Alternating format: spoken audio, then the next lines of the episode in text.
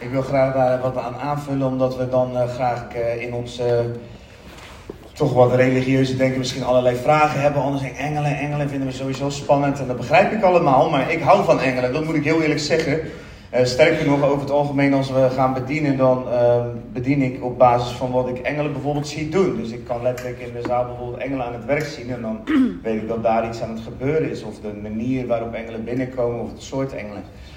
Maar om daar gewoon eens in het woord van God te duiken, wil ik jullie meenemen in de wereld waar we over het algemeen niet heel veel bij stilstaan. En dat is ook prima. We hoeven er ook niet heel veel bij stil te staan.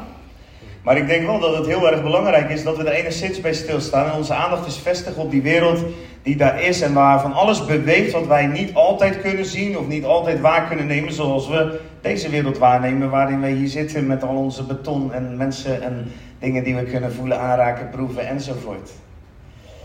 Hebreeën 1 vers 14 staat, zijn zij niet alle dienende geesten die uitgezonden worden ten dienste van hen die de zaligheid zullen beërven. Dat gaat over engelen, dienende geesten die uitgezonden worden ten dienste van hen die de zaligheid zullen beërven. Nou, wie zijn het die de zaligheid gaan beërven? Ja, dat zijn wij allemaal toch? Dat betekent dus dat er vanuit de hemel is er een, een enorm leger uitgezonden. En dat staat dus ten dienste van ons die de zaligheid zullen beërven. En het verschil tussen het werk van engelen en het werk van de Heilige Geest vragen mensen dan: wat is nou het verschil tussen het werk van engelen en het werk van de Heilige Geest? Want de Heilige Geest kan ook aan het werk gaan. Ja, dat klopt. En ik denk dat het heel simpel is: de Heilige Geest werkt in ons en door ons. En engelen werken voor ons. Dus de Heilige Geest werkt door ons, engelen werken voor ons. De Heilige Geest werkt in ons, de engelen werken rondom ons. Dus het is een andere autoriteit, een andere er zijn wel meer van dat soort verschillen. Hè? Ook in Efeze 4 kan je lezen bijvoorbeeld de geest geeft de bedieningen. Uh, sorry, geeft de gaven. De Heer geeft de bedieningen. Dus die rollen die zijn niet uitgespeeld. En Jezus is nog steeds de Heer van de hemelse legers. Dat zullen we straks ook ontdekken. Dus soms worden dingen, engelen gewoon aangestuurd vanuit de hemel. Om bepaalde dingen hier op aarde te doen. En die hemel wordt weer uit, aangestuurd door onze gebeden. En door de dingen die wij spreken. De dingen die wij vragen van God. Dus de Heilige Geest werkt in en door ons, engelen werken rondom en voor ons. Ik wil niet gaan kijken vandaag heel erg naar de kant van de duisternis, want er zijn natuurlijk ook een deel van de engelen die gevallen zijn. de demonische machten, de engelen die eigenlijk gekozen hebben tegen God. Maar het verschil bijvoorbeeld tussen engelen die voor God werken en de engelen die tegen God werken, is dat de demonen die hebben eigenlijk ons nodig vanwege het mandaat wat wij van God gekregen hebben op de aarde. Een engel heeft een mandaat uit de hemel. Die wordt gewoon aangestuurd uit de derde hemel. Een engel heeft ook geen identiteitsprobleem. Een demon wel. Een demon heeft een mega-identiteitsprobleem. Daarom zoekt hij zijn identiteit in jou. Daarom kan het zo zijn dat als jij niet wederom geboren bent en jouw geest is dood, dat je daadwerkelijk bezeten bent door een demon. Die heeft jou in bezit genomen. Als jij levend gemaakt bent, dan kan dat niet meer, want jouw geest is levend geworden. Dus daar kan dat niet meer in gebeuren. En dat is een belangrijk verschil. Nou, we hebben niet heel veel tijd om helemaal op in te gaan, maar ik wil alvast jullie nieuwsgierigheid wekken, want dan kunnen jullie lekker aan de slag uh, door de week. dus de demonische wereld, hè, waar Efeze ook over spreekt, de hemelse gewesten, ik noem dat altijd de tweede hemel, daar beweegt alle machten en krachten. En de engelen bewegen vanuit de derde hemel, die worden aangestuurd vanuit de troon van God krijgen hun mandaat vanuit de hemel. En ze strijden wel in de tweede hemel, ze strijden wel op de plekken waar demonen zich ook manifesteren. Maar het is niet hun woonplaats. Hun woonplaats is bij God. Dat kunnen we heel duidelijk in de Bijbel lezen. Ik denk dat het heel simpel is. We weten niet meer dan dat nodig is om te weten. En het is belangrijk als we dat accepteren. Tegelijkertijd weten we heel veel, ik en jullie, veel minder dan dat we zouden kunnen weten. Dus daarom is het ook belangrijk om ons naar uit te strekken naar de kennis van God die hij wel openbaart over engelen, want het heeft gewoon niet heel erg onze focus. Um, het is denk ik belangrijk om te zeggen dat je in de Bijbel heel duidelijk terug kan zien dat het helemaal niet de bedoeling is dat wij een focus krijgen op engelen, maar dat wij vooral een focus krijgen op God. Hij is de Heer van de hemelse legers en met Hem communiceren we, bidden we, vragen we, roepen we, kloppen we om dingen in beweging te zetten. Het is denk ik goed dat we uitgedaagd worden, ook als gemeenschap. We willen een bovennatuurlijke gemeenschap zijn waarin de kracht van God werkzaam is, waarin de kracht van God normaal is. Voor zover dat ooit normaal geworden. Ik verbaas me nog altijd weer over hoe God zich altijd weer op een nieuwe manier betoond. Dus ik denk niet dat het ooit echt normaal wordt. Maar de kracht van God en het omgaan met wat God op deze aarde wil doen, moet normaal worden. We, hebben het vorige week ook even over gehad met de dopen. De tekst in Colossense 3, vers 1 tot 2. Als u nu met Christus opgewekt bent. De doop is begraven met Christus en opgewekt met Christus. En dan zitten we dus in die troon, zegt Efeze. Zoek dan de dingen die boven zijn, waar Christus is. Die aan de rechterhand van God zit. Bedenk de dingen die boven zijn en niet die op de aarde zijn. Wij moeten met ons hoofd in de wolken leven. En we moeten gefocust zijn, niet zozeer op wat hier op de aarde is en wat we zichtbaar zien. Het ene lied proclameert dat ook zo mooi. Nee, we moeten gefocust zijn op wat God aan het doen is, op wat Jezus aan het doen is. Wat is Hij aan het bewegen? Wat, waarin kunnen we meewerken met de hemel? Bedenk de dingen die boven zijn. Zoek de dingen die boven zijn. Wij mogen dus dingen onderzoeken. En toen ik zo aan het voorbereiden was voor, deze, voor, voor dit onderwijs, dacht ik, ja, het is grappig, want de engelen zijn nieuwsgierig naar het plan van God met mensen.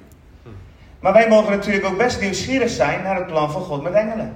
Hij openbaart niet voor niets delen al in zijn woord en hij laat niet voor niets in zijn woord al zien dat die realiteit er is in Petrus, 1 Petrus 1 schrijft hij, en het is logisch dat Petrus schrijft regelmatig over engelen, is logisch, want hij is ooit uit de gevangenis gehaald door een engel. Dus geloof me dat hij gek was op het feit dat er engelen waren, anders was hij nooit die gevangenis uitgekomen, was zijn kopje eraf gegaan.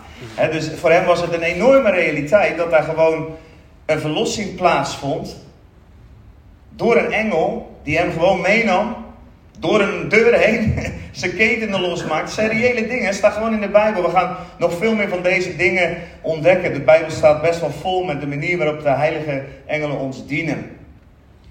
1 Petrus 1 vers 12 staat dit. Aan hen werd geopenbaard dat zij niet zichzelf, aan die engelen werd geopenbaard dat zij niet zichzelf, maar ons dienden in de dingen die u nu verkondigd zijn, door hen die het evangelie verkondigt, door de Heilige Geest, die vanuit de hemel gezonden is, dingen waarin de engelen begeerig zijn zich te verdiepen. Te verdiepen. Het is mooi als je, en we gaan, ik ga daar nog wat verder op in zo, maar als je, als je kijkt naar wat engelen zijn, het zijn geschapen wezens, ze hebben een wil, ze maken keuzes, hè, ze kiezen voor of tegen God onder andere. Ze hebben dus ook verlangens. Ze hebben een karakter, ze hebben verlangens, ze zijn begeerig om iets in te zien, er is een verlangen in hen. Ze hebben namen, maar wij kennen er niet heel veel van. En ik denk dat het grappig is dat wij ook wel een soort, en, en ik weet dat dit een spannend vlak is, maar dat wij een soort nieuwsgierig mogen zijn in ons hart. Niet naar die engelen op zichzelf, maar naar wat God wil doen door die engelen. Als hij zegt, mij is gegeven alle macht in de hemel en op aarde, dan is die macht hier, daarvoor gebruikt hij zijn engelen. Dus dat is goed. En, en, Michelle bijvoorbeeld, die nodigt altijd engelen uit. Dan zegt ze, Heer, stuur uw engelen. Altijd ook voor revival nights en voor de diensten. Dan bidt ze van, Heer, stuur uw engelen. We willen, willen echt veel genezen. We willen veel kracht. We willen veel ruimte zien. We willen, we willen uw aanwezigheid. Heer. We willen alles. We willen engelen. Weet je wel? En sommige mensen vinden dat spannend. Maar ik geloof dat dat juist een heel mooi gebed is. Want ja, wie moet het anders doen? Als hij is gegeven alle macht in de hemel op aarde. En hij is hier. Dan wil hij als de Heer van de hemelse legers ook zijn engelen gebruiken. Kijk, de oorsprong van alle leven is er in veel meer vormen dan dat wat ons bewustzijn waarneemt. Dat moeten wij gewoon realiseren. De Bijbel schrijft het ook zo mooi. Colossense 1, vers 15 tot 20 schrijft Paulus dit. Jezus, hij, is het beeld van de onzichtbare God, de eerstgeborene van heel de schepping. Want door hem zijn alle dingen geschapen die in de hemel en op aarde zijn. Die zichtbaar zijn, die onzichtbaar zijn. En dan gaat Paulus opnoemen. Tronen, heerschappijen, overheden machten. Alle dingen zijn door hem en voor hem geschapen. En hij is voor alle dingen en alle dingen bestaan tezamen door hem. En hij is het hoofd van het lichaam, namelijk van de gemeente. Dus alleen al in deze tekst kom je een aantal dingen tegen waarvan wij over het algemeen ons niet heel bewust zijn, maar die er wel zijn. Tronen, heerschappijen, overheden, machten. dus er zijn meer scheppingsvormen dan dat wij ons vaak kunnen realiseren, omdat wij ze niet altijd waarnemen. Maar dat betekent niet dat ze niet van belang zijn. En dat betekent al helemaal niet dat ze geen impact kunnen hebben op onze levens.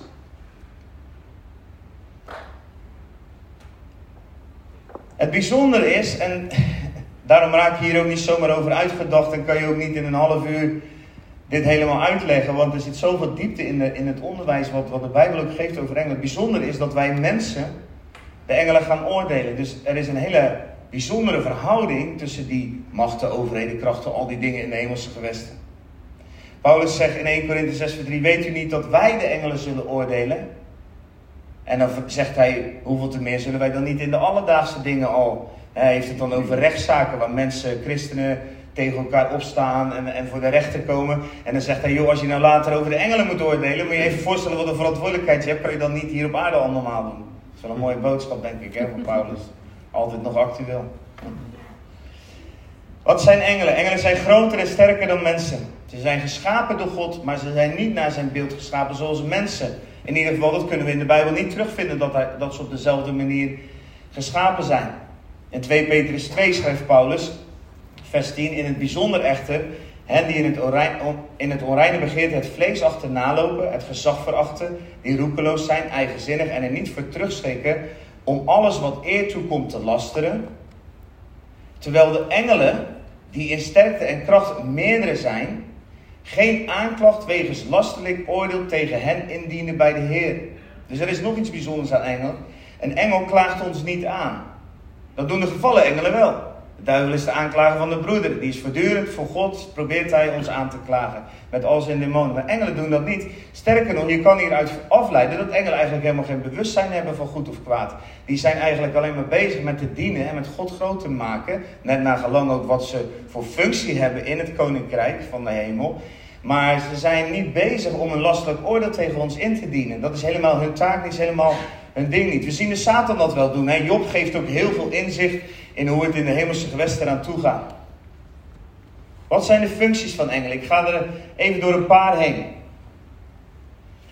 De, de engelenwereld is zeer divers, dus je kan hier heel veel over zeggen, maar even een aantal dingen die eruit springen, denk ik, die het meest belangrijk zijn. Ze aanbidden God. In het bijzonder de gerubs zijn gemaakt voor aanbidding. Psalm 103 zegt, geloof de Heer uw engelen, sterke helden die zijn woord uitvoeren, gehoorzaam aan het woord dat zij spreekt. Loof de Heer al zijn legermachten, dienaren van hem die zijn welwagen doen. Nou, we kennen, denk ik, als we het woord kennen, ook wel de tekst uit openbaringen, vele teksten overigens. 24, 7, heilig, heilig, heilig staan de engelen rondom de troon. Openbaringen 5 vers 11, daar staat en Johannes die zag en hij hoorde een geluid van vele engelen rondom de troon en van de dieren en van de ouderlingen. En hun aantal bedroeg tienduizenden maal tienduizendtallen en duizenden duizendtallen. En ze zeiden met luide stem, het lam dat geslacht is, is het waard om de kracht te ontvangen, de rijkdom, de wijsheid, de sterkte, de eer, de heerlijkheid en de dankzegging. De kracht ook hè, in aanbidding als wij ons mengen met dat engelkoor. Voelde je dat ook vandaag? Als we mee mogen bewegen met wat er in de hemel voortdurend aan waarheid geproclameerd wordt. En wij dat op deze toch wat verziekte en gebroken aarde gewoon gaan proclameren. Want de waarheid, de wil van God in de hemel moet op aarde zichtbaar worden. Hij is het waard. Het lam wat geslacht is, de kracht ontvangen, de rijkdom, de wijsheid, de sterkte, de eer, de heerlijkheid en de dankzegging. En dat uit tienduizenden, tienduizendtallen en duizenden, duizendtallen. Ontelbaar. Het zijn er veel. Maar het zijn er heel veel. We weten niet of het er meer worden. In ieder geval niet door voortplanting zoals mensen kennen. Want Jezus sluit dat uit in Matthäus 25, of in Matthäus 22, vers 30 zegt hij dat, wij, dat engelen zich niet op die manier voortplanten. Dat ze geen geslacht hebben zoals wij geslacht kennen. Maar dat ze zijn als geesten. Wat doen engelen nog meer? Ze volvoeren Gods wil en besluiten. We hebben net al even gelezen, Psalm 103 onder andere staat, loof de Heer zijn legermachten, dienen die zijn welbehagen doen. In de oude vertaling staat die zijn wil uitvoeren. En dat is een werk van de engelen. Zij luisteren naar wat God wil en dan gaan ze dat doen. In een, op, een, op een manier die wij niet altijd weer waar kunnen nemen. Maar ik kan het wel eens waarnemen, want ik zie wel eens bevrijdingen plaatsvinden. Ik zie wel eens genezingen plaatsvinden. En dan weet ik dat God iets doet door de kracht die hij uitgezonden heeft, dat zijn wil op dat moment geschiet op deze aarde zoals hij het in de hemel besloten heeft.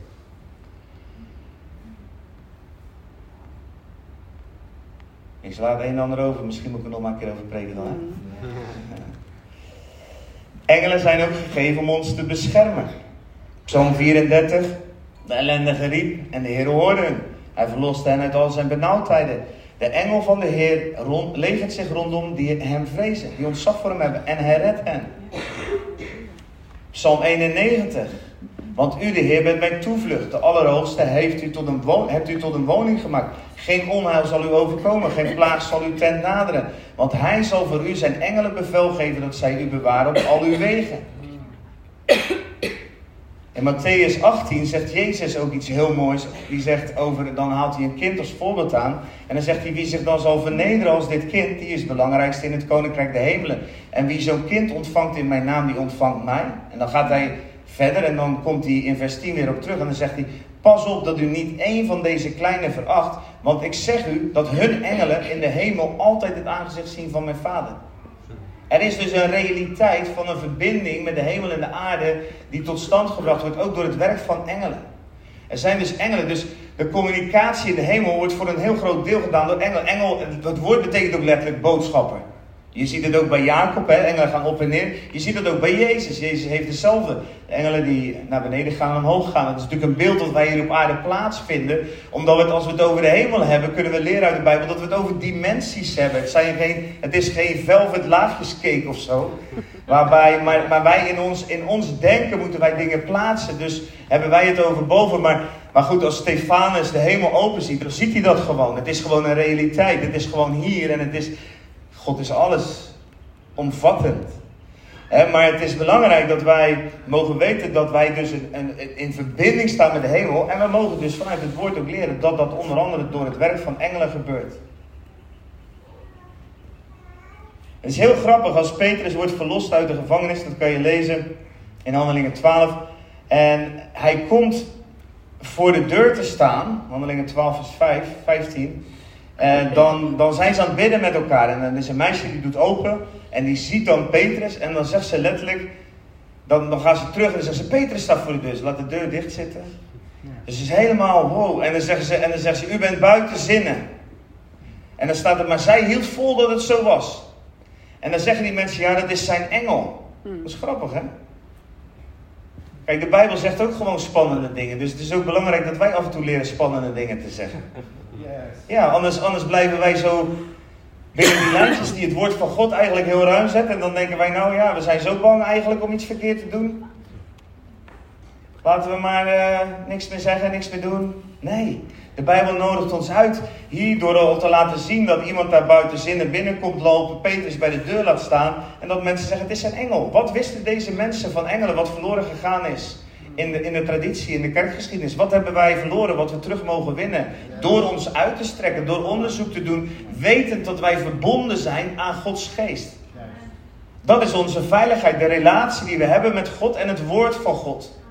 En als wij zeggen het woord van God is het fundament waarin we mogen bewegen, ja, dan moeten we ook durven bewegen binnen dat fundament. Niet bang zijn voor ervaringen die misschien voor ons af en toe een beetje dat fundament laten rammelen, maar met een open hart in verbinding met de, net als hetzelfde als het uitstrekken naar de Heilige Geest.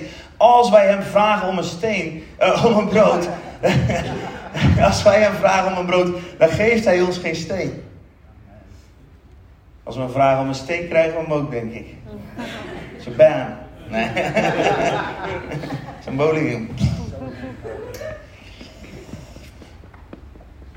Wonderlijke dingen als je de Bijbel gaat lezen en waar de Bijbel iets openbaart over engelen, gaat het je verstand echt oprekken. Je gaat het niet kunnen begrijpen. Ik geloof niet dat dat de bedoeling is, maar ik geloof wel dat God daarmee ons wil oprekken om meer en meer te begrijpen van zijn werk op aarde. Michel en ik hebben net twee dagen conferentie gedaan met eh, Martin Kornstra bij Royal Mission. We hebben de week tevoren hadden we een, inner healing conferentie.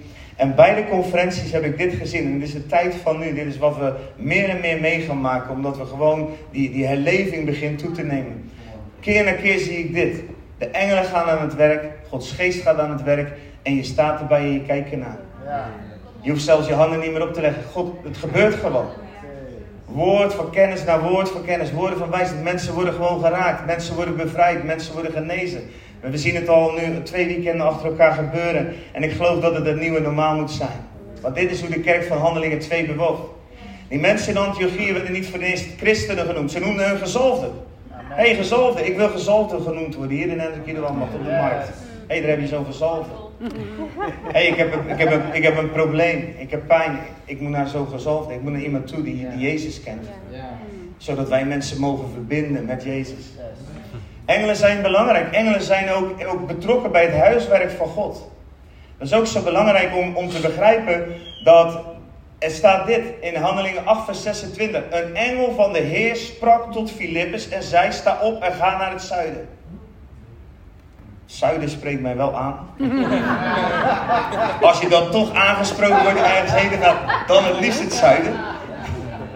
Dus ik neem dit even als een woord voor mezelf.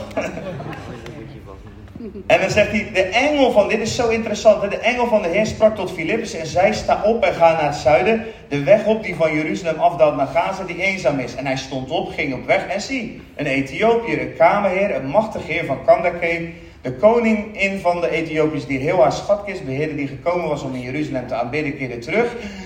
En hij zat op zijn wagen en las de profeet Jezaja. En nu is het zo interessant. Dus we hebben gelezen, een engel van de Heer sprak tot Filippus. En dan staat er dit. In vers 29. En de geest zei tegen Filippus. Er is natuurlijk nooit contradictie in de hemel. Het werkt samen, want het komt uiteindelijk uit één en dezelfde God waarvan wij alle beleiden. Hij is één. Israël, onze God, is één. Er is maar één God. Die verschijnt in diverse manieren. Die openbaart zich op allerlei vormen. Maar alleen al in dit woord, waar Filippus gestuurd wordt door een engel. En uiteindelijk de geest gaat in hem spreken en brengt de openbaring die die kameling nodig heeft. Dus wij moeten alert zijn op dit soort dingen. Wij moeten alert zijn als engelen ons naar plekken toe gaan sturen. En hoe cool ook als die engelen ons dan ook weer terugbrengen weer naar een andere plek. Want Filippus gaat op een hele bijzondere manier ook weer naar zijn volgende bestemming. Door de geest heen wordt hij gewoon verplaatst.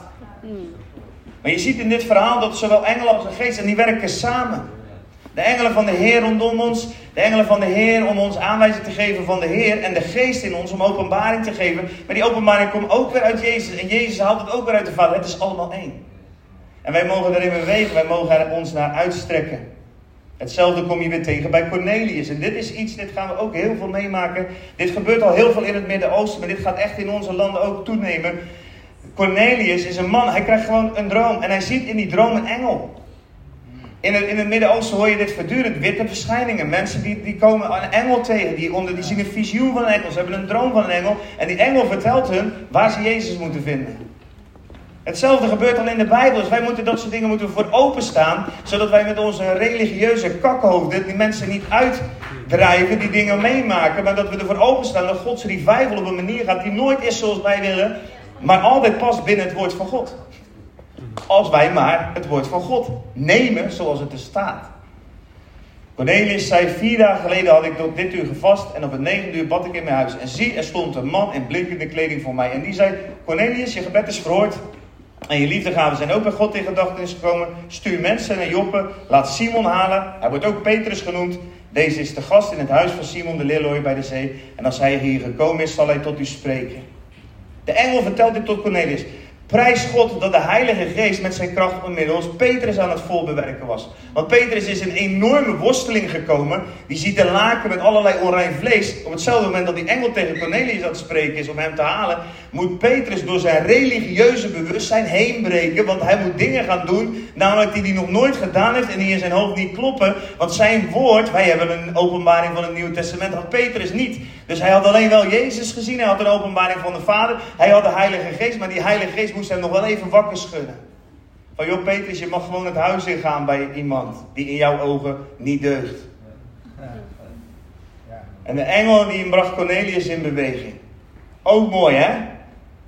Want wat nou als er volgende week iemand bij jou aan de deur staat en die zegt, joh, uh, mijn, mijn man heeft mij gestuurd en die heeft een engel gezien en ik moet jou gaan halen en je moet in mijn huis komen. Dan moeten wij dus niet in de stress schieten, dan moeten we denken, yes. He. Daar is het weer.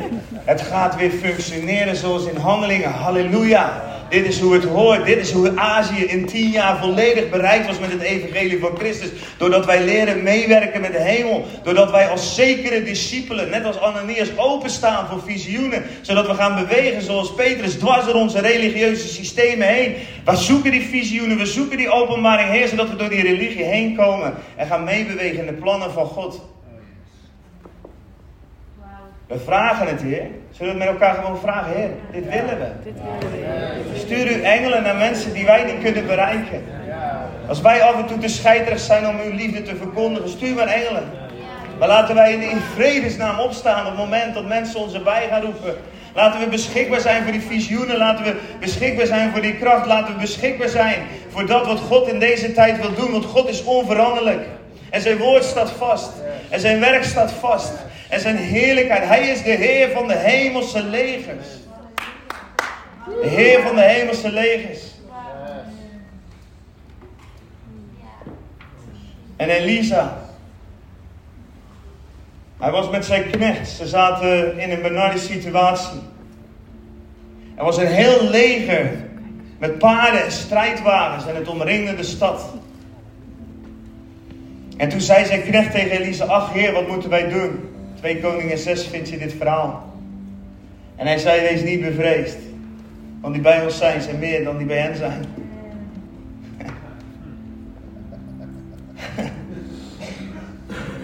en Elisa bad. En hij zei, Heer, open toch zijn ogen, zodat hij ziet. En de Heer opende de ogen van de knecht, zodat hij zag. En zie de berg was vol paarden en strijdwagens van vuur rondom Elisa. En doordat Elisa dit weet, doordat hij bewust is. Het gaat soms alleen al om het bewustzijn, om ons bewustzijn van waar we mee omringd zijn. En toen ik vrijdag of uh, donderdag met, met de Heer gewoon aan het voorbereiden was, toen zei de Heer, Albert, je mag dit gebed gaan bidden. Open onze ogen, zodat we zien. Ja. Kom maar. Open onze ogen voor deze tijd, zodat we zien. Zodat we mee mogen bewegen met de hemel. Zodat we niet langer onder de indruk zijn van het gebrul van de wereld. Van, van alles wat in de wereld kapot gemaakt wordt. Zodat onze focus niet langer is op wat demonen doen of wat. Want dan gaat het niet om. Het gaat om wie hij is en wat hij doet. Halleluja. En de Heer zei, Albert, bid maar gewoon dat gebed. En ik wil je gewoon vragen, als je met mij verlangt, om meer te mogen zien van Gods aanwezigheid. Meer mogen zien van Gods glorie. Als je meer mag zien van de strijd die met jou is. Hij is voor jou. Je gewoon je hand op je ogen mag leggen. Je eigen ogen. Dit is een andere tijd. Jij bent het leger van God. Jij bent zijn dienstbare volk. Jij bent het koninklijk priesterdom. Jij bent die Elisa. Wij zijn als Elia. De Bijbel zegt, Jacobus zegt, je bent mensen net als Elia. Schud ons wakker, Heer. Maak ons bewust van wat er om ons heen is, wat er voor ons is. Vader, op uw manier, op de manier waarop wij het aankunnen, op de manier wat goed voor ons is, maar maak ons meer bewust. Want wij willen leven zoals wij geleefd hebben in de tijd van handelingen. Vader, we willen bewegen in die revival. We willen meebewegen in dat wat uitbreekt op de wereld. Vader, we willen meebewegen in deze tijd waarin we meer gaan zien dan ooit tevoren. We willen meebewegen in die tijd dat die vurige wagens en die vurige paarden door de hemel gaan om mensen aan het hart van Jezus te brengen. En we willen daarin compromisloos zijn, vader. We willen meer, we hebben meer nodig. Heer, want uw lichaam mag in beweging komen, uw lichaam mag gezond worden. En als wij hier staan deze morgen en wij hebben onze handen op onze ogen gelegd, dan is ons gebed, open onze ogen. Open onze ogen.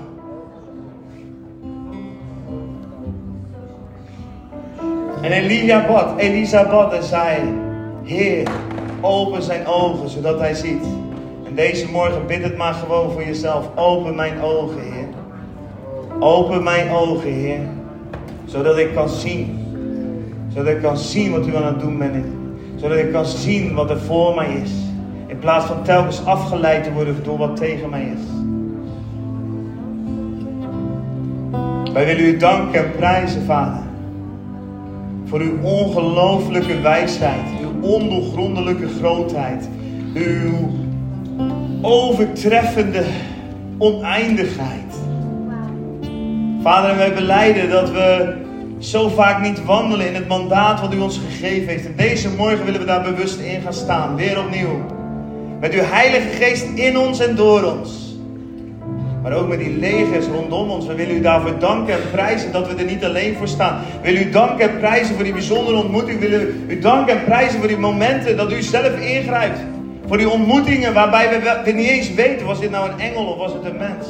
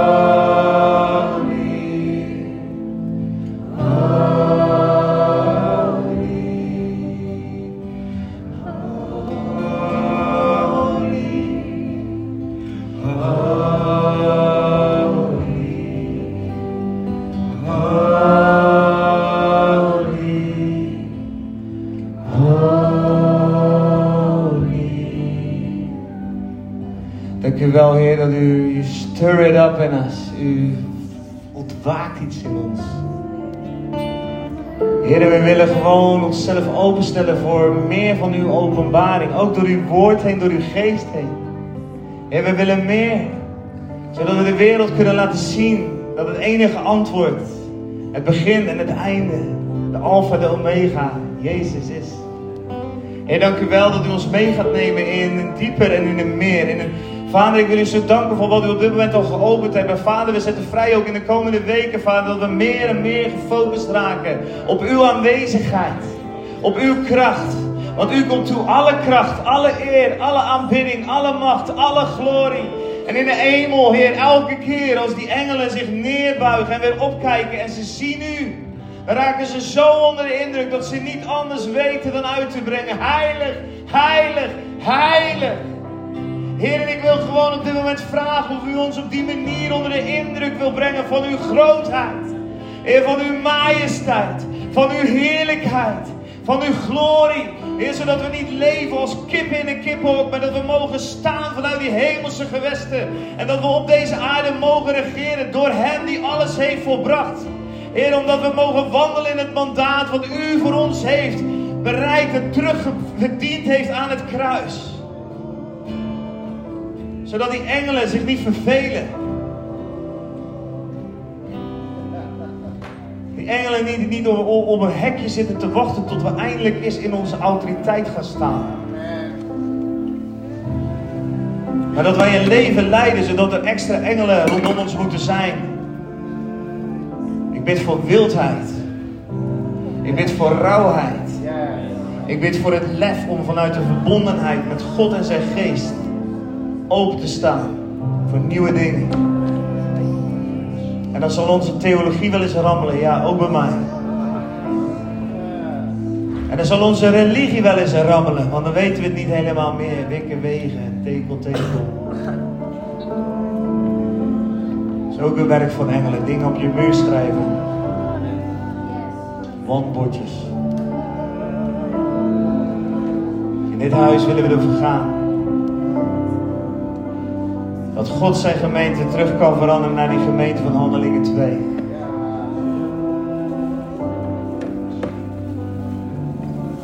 En als we daarvan vast moeten komen te zitten, mogen we vertrouwen op dezelfde God die Petrus uit de gevangenis haalde.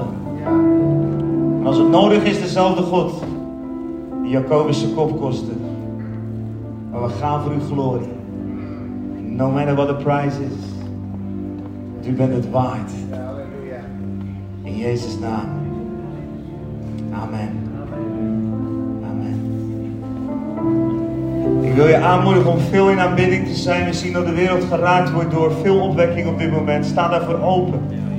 Is vanmiddag in Sliedrecht een opwekkings- en revivaldienst. Als je kan, ga er gewoon heen. Ga lekker in aanbidding, ga lekker in de flow. Er gebeuren prachtige dingen. Er is vanavond in Brandwijk weer een, een revivaldienst. Dan gaan we weer heel de avond worshipen, heel de avond de glorie van God zoeken. We gaan ervoor. We moeten meer en meer in zijn aanwezigheid zijn. En aanbidding zet zijn aanwezigheid vrij. Het is sleutel 1, gebed en aanbidding en het woord zal maken dat zijn kerk getransformeerd wordt naar hoe die bedoeld is. Een heel aantrekkelijke bruid. Zo aantrekkelijk dat God dagelijks kan toedoen tot hen die zalig worden. En dat de hele stad onder de indruk is van wat God door zijn gemeente doet. We even met elkaar dit lied zingen, dan kan ik het afsluiten. You are holy, holy.